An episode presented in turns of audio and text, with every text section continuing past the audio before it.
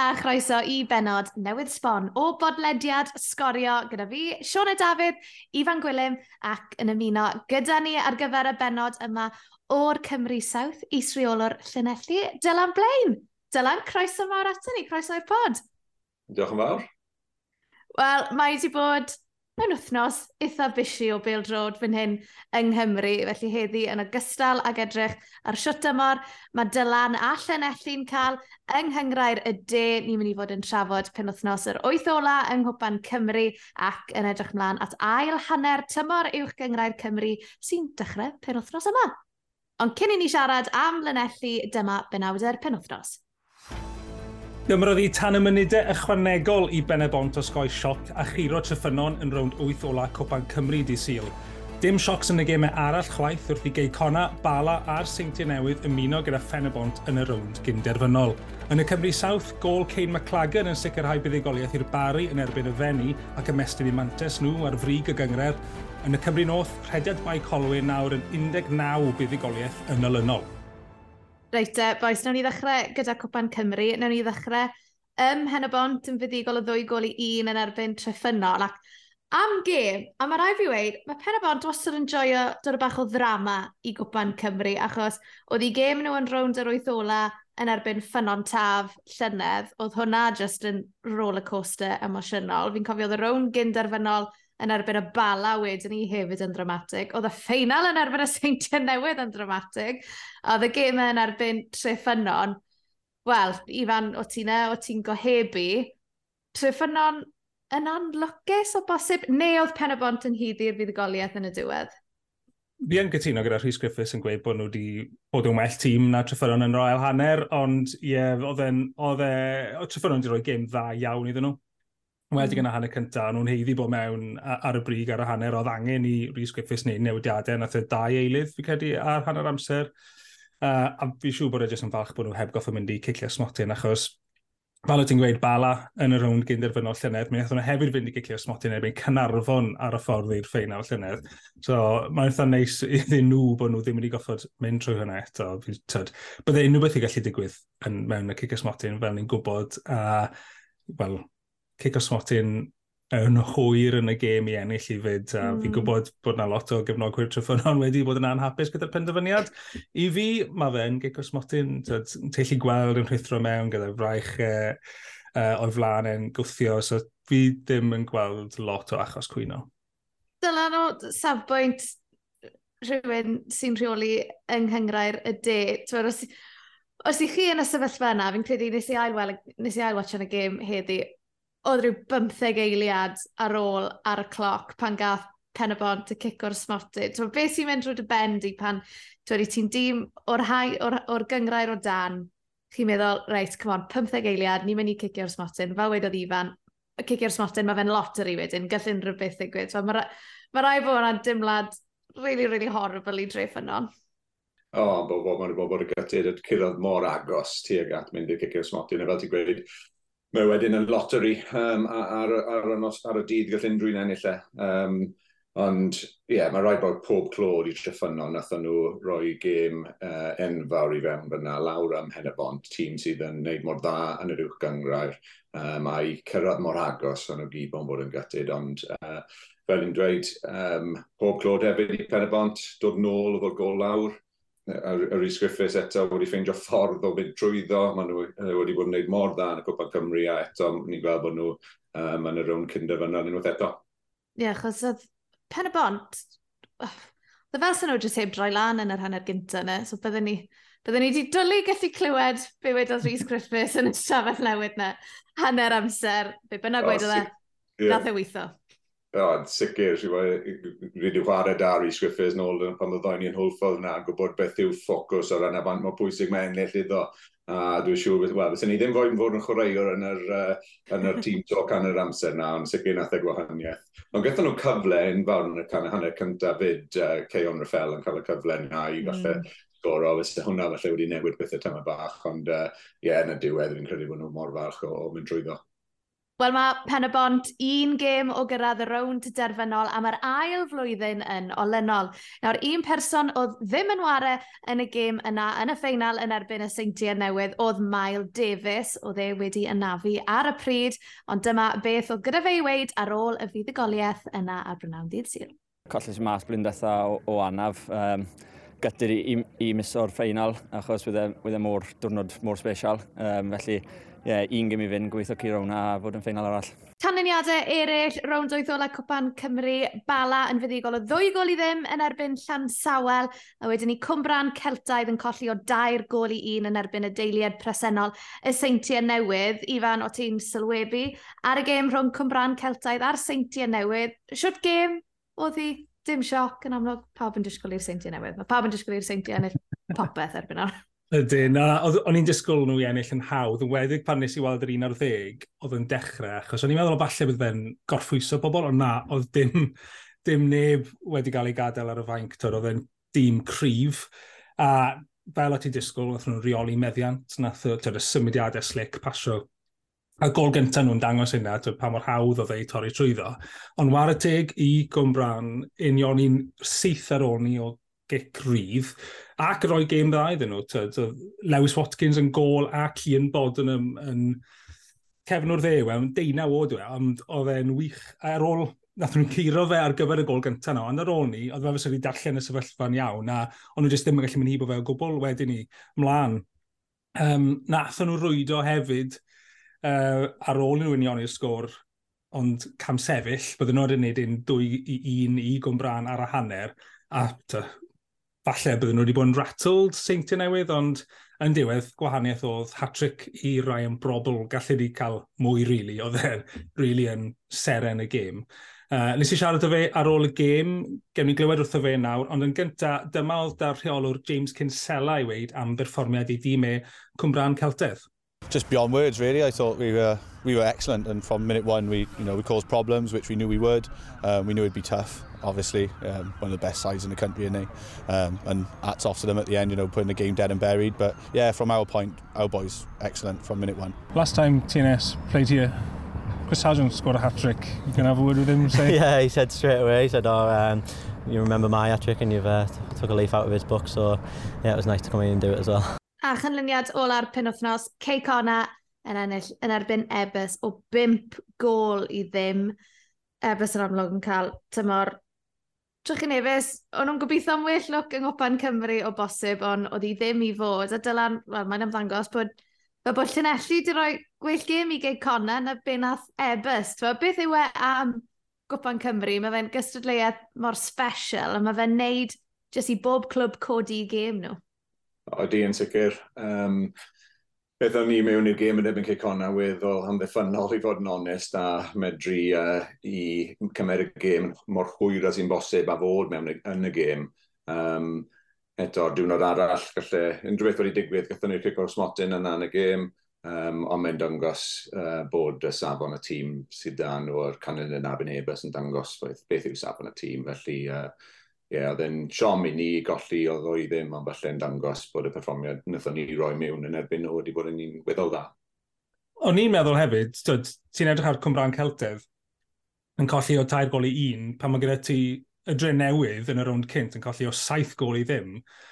Eitha mm. aml, mae'r ma, ma clybiau yna, doi o'r Cymru South yn rhoi gemau da, fi'n meddwl, uh, dros pan wythnos Llan Sawel yn cadw bala o ddwy gol i ddim hefyd. So, tyd, da iawn i'r clybiau Cymru South. Ti'n ti nabod Llan Sawel a Cwmbran Celtedd yn eitha da, fi'n cymryd dylan? Ydw, ie. Yeah. Ni'n uh, tron wneud yn gwaith cartref y tîm oedd yn i gyd. Um, dechrau gyda Cwmbran, uh, gwybod beth y James Kinsella wedi gwneud lot o waith yn paratoi ar gyfer y gêm na. Um, lle anodd i fynd, falle'r ca ddim yn berffaith drwy amser, a falle um, hwnna wedi uh, ffeithio tyma bach ar y seintiau yn y gêm. Fel wnaeth i sôn, os oes y gol na ddim yn cael ei uh, troi lawr yr un nath yn cam sefyll, pwy o yw'r gall, beth gallai wedi digwydd, ond ie, yeah, ddoi tîm dda. A wedyn Llansawel, ie, yeah, yn, yn, uh, wel, ni'n medru chaso nhw lawr ar hyn o bryd, o'n nhw'n ail yn y gyngrair. Uh, chwaraewyr adderchol gyda nhw. Um, yn y gêm, gweld bod na Tom Walters wedi cael cyfle um, y weddol gynnar yn y gêm i roi llan sawel um, lan dwi e ddim yn methu uh, lot, felly uh, a'r diwrnod arall, gallen nhw wedi achosi sioc lan fyna, ond uh, fel ni wedi weld y pedwar tîm, ond i'n disgwyl mynd drwyddo, mynd drwyddo. A mae'r enwau wedi cael eu tynnu mas o'r het ar gyfer y rownd gyn derfynol, a mae yna ailadrodd o ffeinal Cwpan Cymru llynedd, ac mae yna ailadrodd o ffeinal Cwpan Nathaniel eleni. Felly pen y bont yn erbyn y seintiau newydd a chei cona yn erbyn y bala yw rowndiau gynderfynol Cwpan Cymru eleni i fan i ddod ato ti gynta, yr hen ystrydeb, yr hen clisiau, stym gêm hawdd, ond pwy bydde ti'n lico gweld yn y rownd arfynol? Lico gweld, um, dyn ni'n lico gweld. Lico gweld a pwy ti'n credu beth ti'n gweld o'r gwestiwn. yeah. Doi gwestiwn gwahanol iawn i fod yn Wel, Ceri, achos ti'n sôn am beth ti, tyd, hyd a rhamant o gwpan, ti'n moyn gweld yr underdogs yn ennill, felly tyd, y rhai byddwn ni'n lico gweld, pen y bont. Uh, Sa'n di... siŵr os byddai Rhys Griffiths yn hapus gyda'r term underdogs. Na, ond yn ebyn y seintiau newydd, mae pob un yn underdogs. So, da, fi ddim yn gweld nhw'n mynd hibo seintiau. Fi credu mae seintiau tymor yma jyst yn uh, well na fi roed wedi gweld nhw. Fi wedi gweud na o blaen. Fi'n ffindio fe'n anodd gweld pen y bont yn curo nhw, ond bydde fe'n gret gweld nhw yn, yn ennill y gwpan. Fe yw'r unig rheolwr allan o'r tri yna sydd uh, yn erbyn e sydd heb ennill Cwpan Cymru, achos mae Gibson di ennill gyda Prestatyn. Mae Caton mm. di hmm. ennill yn 2017 gyda Bala, a mae Craig Harrison wedi ennill nifer o weithiau gyda'r seintiau newydd o blaen. So, Rhys mm. Griffiths gyda'r gap na ar y silff. Ar y CV. Ie. Yeah. Dyla'r cicona, y bala, ddim lot yn gwaniaethu'r ddoi dîm fyna. Y bala'n fyddigol yn ffeinal cwpan Nathaniel eleni, fel ti'n gweld yr un yna mynd? yeah, gêm agos eto, doi tîm uh, safon uchel iawn yn y gyngrair, Di bod yn uh, gyson trwy'r tymor. Um, fi'n meddwl tro yma uh, Ceicona, um, a, ond eto bydd e'n gêm, gêm agos iawn, sy'n ni'n gweud, o, o waren nhw'n yr, uh, rond diwetha gwybod bod y set pieces mor bwysig i gallu amddiffyn y set pieces a, yeah, a i um, Ceicona yn y gêm na, ond gêm agos iawn. A bydd y rowndiau cynderfynol Y gêm yna'n cael ei chwarae ar y trydydd a'r pedwerydd o fawrth. Rai fe, fi'n dwlu ar cwpan Cymru. Fi'n credu jyst un hoff beth y tymor efo fi. Mae'n lot o drama. Gymau da.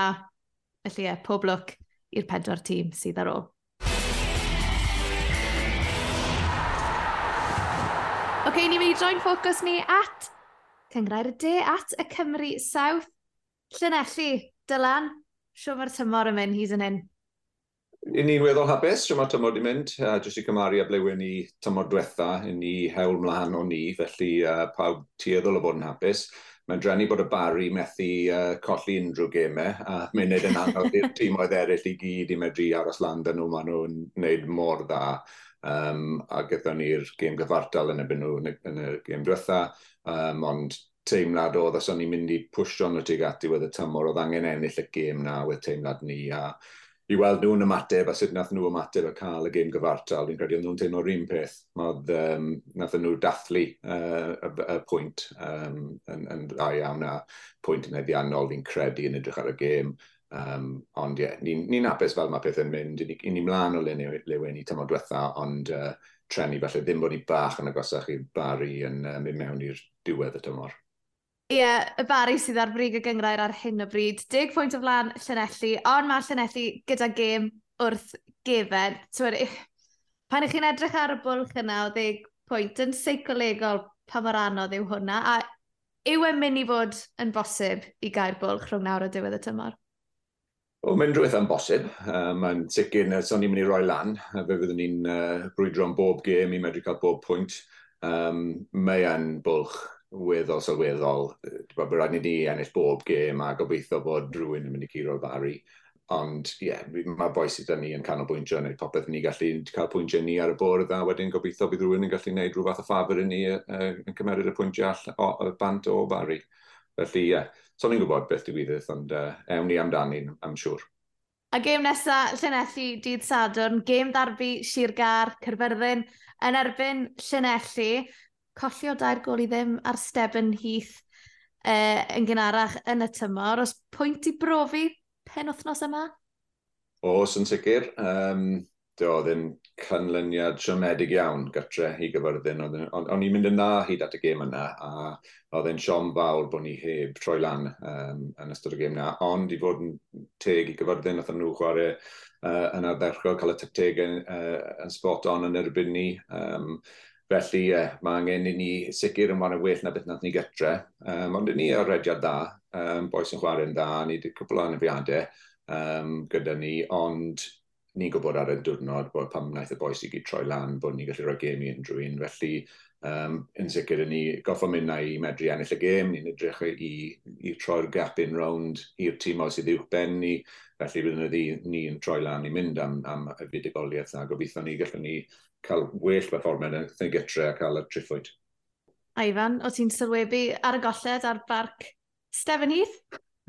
o'n, o'n, um, oedd hi'n gêm, ie, yeah, nath y syni fi achos oedd Llanelli'n neud mor dda ar y pryd. A fi credu be nath set y tone i'r gêm oedd y gol rili really gynnar i gyfyrddin a dde o gecrydd fi'n credu, dan gosod oedd yn sicr. A fi'n credu oedd Llanelli teimlo fel sy'n nhw'n chas o'r gêm ar ôl ni a mi nath Greg Walters yn enwedig yn ganol cae gyfyrddin so rheoli'r gêm. Dyw gyfyrddin, tyd, nath nhw'n golli tair i ddim i afan Lido dros pan wythnos. Tyd, maen nhw'n gymysg iawn, o ran, dyn nhw'n gyson iawn, maen nhw'n dechrau slipo lawr tabl ar hyn o bryd. So, di, be fi wedi gweld o'r llunelli, mewn gêm ers ni, nes i weld gêm Cam Bryan, don maen nhw'n rili really dda yn ymosod. So, fi'n siŵr bydd hi'n gêm rili really gystadleuol ac yn un really da. Fi'n fan mawr o wylio Tom Hillman a Miles John yn mynd lawr y chwith, fi'n gedi maen nhw'n rili really beryglis. Um, so ie, yeah, na, fi byddwn i'n siŵr bydd hwnna'n gêm dda iawn ar barc Waindew dydd Sadwn. Do, jyst yn mynd nôl at y gêm yn gyflym o ran y gêm gyfyrddin, dwi'n iawn am beth i'r gol gynnar yn y gêm na. A ni'n gweud e bob wythnos, mae os oedd gol gynnar yn gêm, mae'n newid pethau yn sylweddol, mm. a ni goffod dod allan wedyn a gyfarwyddyn wrth ymosod ni. Uh, nath Greg cael gêm dda, yn anffodus i ni, ond um, pan mae Liam Thomas gyda unrhyw un lan uh, yn, yn wario fel rhif naw, mae dim ond un chance iddyn nhw fe, a mae'r ma pe yn, yn gwydrwyd. Yna beth digwyddodd yn ni yn anffodus uh, yn Parc Stebonith yn y byn nhw gytre, so gobeithio wnaeth e ddim troi lan disadwn.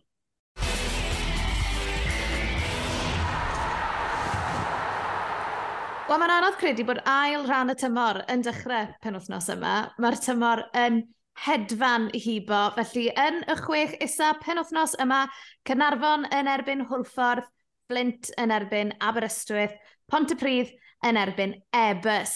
A wedyn ni yn y chwech ucha, Bala yn croesawu Pen y Bont, y Dre Newydd, maen nhw'n croesawu Ceicona a'r Gêm Fyw, a'r Sgorio, ar-lein ac ar eich tyledu clyfar Met Cyrdydd yn erbyn y seintiau newydd. Ifan, na ni ddechrau gyda Met a'r seintiau. Fel ni'n gweud, cyn coed yw dy ail gartred i erbyn hyn. Ti'n yeah. sylwebu ar... Cyn coed, a fi'n sylwebu pen y bont hefyd. Pen y bont yw fel the holiday home. na, mae'r... fi wedi bod i'r ddau yn o'r un faint o weithiau tymor yma. Ah, okay. Fi'n cadw count. Enillodd y seintiau newydd o saith gol i ddim pan yn welo nhw a chyn coed yn rhan gynta'r tymor, ond mae'r myfyrwyr wedi sicrhau lle nhw yn y chwech ucha a maen nhw o fewn triffwynt o'r ail safle. Mae ras am yr ail safle yna am fod yn ddiddorol yn ail hanner y tymor. Ti'n credu bod digon gyda Met Cyrdydd i gadw'n gystadleuol a hefyd mae Christian Edwards nôl yn rheoli nhw'n nawr? Wel ie, yeah, well, Christian Edwards nath ddim llwyddo i gael nhw yn y chwech ucha am y 4-5 tymor diwetha. So, mae hwnna'n mynd i fod yn ddiddorol gweld siwm mae fe'n effeithio ail yn y tymor, achos bod Ryan Jenkins yn neud mor dda. Dyd, mm. Siwm mae'r dynamic na newid. Ydy Christian Edwards yn mynd i ddod a just pwysio nhw lan yr, yr extra gear na sydd angen ar nhw i gael ail safle? Neu ydy e'n mynd i amharu ar dyd, be mae Ryan Jenkins yn neud yn rili really dda? Um, a dod â bach mwy o mach mwy o tempo mewn i chwarae met sydd wedi bod gyda nhw ers cwpl o'n tymorau. Um, fi yn disgwyl nhw'n rhoi gwell gêm i uh, seintiau pen wythnos hyn a nath nhw trwetha, a dim, dim hwnna ddim just achos bod Cwsyn Edwards nôl. Um, just fi'n meddwl, ond maen nhw'n well na colli saith i ddim yn erbyn y seintiau. Uh, ond hmm. ie, mm. yeah, fi'n meddwl bod nhw definitely gyda chance yr un mor dda a unrhyw un arall o'r grŵp yna um, gyda Pen y Bont Bala a Ceicona o gael yr ail safle. Mae, mae mor dyn ar am pwyntiau. Mae'n cael ei drenewydd yw'r un sydd allan ohoni, hmm. ond mae'r lleill be pedwar pwynt sydd rhwng y pedwar arall. Ie, yeah, mae'n mynd i fod mor mor gystadleuol. A wedyn ni dylan yn y chwech isa, fel i ni wedi sôn, ebys, mae fe just fel sy'n pob wythnos, maen nhw'n mynd o ddrwg i wath yn anffodus, ond wedyn ni, pan i ti'n edrych pont y pryd, ar 20 o bwyntiau, Aberystwyth 22, Flint 24, Cynarfon 25, a wedyn ni Hwlffordd ar 27. Mae'r chwech isa yna, mae fe'n mynd i fod yn dipyn o frwydr am weddill y tymor. Ydy, bob gêm, um, pob gêm yn allweddol, amlwg e-bus uh, bant fyna, felly pob un yn edrych i cymeriad y pwyntio fyna, ond ddim, ddim mm. bydd rhaid yn ôl ar yna i, i, i, gael y pwyntio yna, ond Ie, yeah, mae'n amhosib i bigo pwy sy'n mynd o'r hyn. Dwi'n credu peth pwysig fan hyn yw, o ran safbwynt rheoli, yw bod pwysig bod y rheolwyr yn cadw hyder y tîm oedd lan. Dwi e ddim, dwi e ddim mor rwydd am y llwaith os ydych chi'n colli bob yn ail wythnos i cadw hyder yn y tîm. Um, felly ddim, no panic station, bys ni'n gweud, os ydych chi'n colli doi'n y rhi gêm, mae'n mynd i fod yn bosib i droi fe rownd. Felly na un peth fydd yn holl bwysig yn credu i'r rolwyr yn yr, um, yn yr, yn yr iselda fan hyn um, yw bod nhw ddim yn uh, colli'r hyder na os os bydd y canlyniadau ddim yn mynd i ffordd nhw. O ran hyder, tyd, tyd, un o'r gynglybiau di hwlffordd, athyn nhw curo cicona yn y gêm ola cyn y holl. Faint bydde hwnna wedi wneud i hyder nhw? Oedd hwnna'n greu. A'r gol wych hefyd dygan. Mm. Oedd e'n gol, gol arbennig. Ie, yeah, fi'n credu nhw cael y canlyniad na a cael y, y triffwynt na hefyd yn, yn cael effaith positif arno nhw. Um, garfan grif lawr fyna, bydd hwnna sicr wedi helpu, uh, ond bydd y tîm oedd eraill i gyd yn edrych yn mynd i hwlffordd uh, fel, fel canlyniad bod nhw'n gallu, gallu cael. Um, felly sa'n gweld bod unrhyw gêm rwydd mynd i fod fan hyn. Uh, tîm oedd yn goffa teithio hefyd i'r gogledd y de, di hwnna ddim yn hawdd. Amlwg gwelwn ni Cey Conor goffa teithio yn canol wythnos lawr i hwlffordd, mae hwnna'n cael effaith o bobl yn gweithio yn swyddi ac yn y blaen. Mi'n gwybod nath Neil hmm. Gibson sôn am hwnna. Um, felly yeah, mae um, pob gêm yn mynd i fod yn y gêm anodd, ond yeah, mae yna i bob un, a fi'n siŵr bydd nhw'n brwydro amdano fe, byddwn ni'n edrych i weld felly pwy bydd yn ymuno lawr i'r i gyngred ni os fydd un o'r tîm oedd yn y de. A mae rai fi wedi, pan eithon ni eich gym chi yn erbyn Ceicona, ges i'r croeso gore a ges i disgled y goffi mewn China teacup wrth ochr y ca. Felly, pwy bynnag sy'n yn dod lawr i gyngrair y de, gewn nhw groeso cynnes iawn yn sefynydd, be bynnag. Bendant, ie. Yeah. Dwi'n sicr y tai bod fi'n cael uh, paned o, o goffi yn un o'r China teacups na hefyd bob, uh, bob gym. Mae wedi dod yn bach o ritual i ni gyda ni gath goalkeeper ni oedd yn ddoniol un gêm, oedd yn cael, maen nhw'n dod mas ar gwpanau, yna China Teacup sy'n wedi lein o lan yn yr stafell a bwys yr uh, Jock Steen Lounge la fyna. A wedyn oedd e'n cael dewis polystyrene neu China teacup, a nath e dewis polystyrene cup. Am te, a fi'n meddwl, what? Sim safoned a bwysyn. oh, amazing. Dylan, Ifan, diolch yn fawr iawn am eich cwmni chi. Dylan, mae wedi bod mor mor braf cael ti ar y pod am y tro cynta. Pob lwc enfawr i Lynelli penwthnos yma yn erbyn Cyrfyrddin hefyd. Felly, diolch yn fawr. Ia, diolch yn fawr am cael fi. A chofiwch taw gêm fyw sgoriau penwthnos yma yw'r gêm rhwng Met Cyrdydd a'r Seintiau Newydd. Ymunwch gyda ni ar eich teledu clyfar i oelio am hanner awr wedi diddeg dydd sadwn yr unfed ar ddeg o chwefror. Mae'n fyw ar YouTube a Facebook sgorio hefyd. Diolch yn fawr am wrando, welwn i chi tro nesaf. Ta-ra!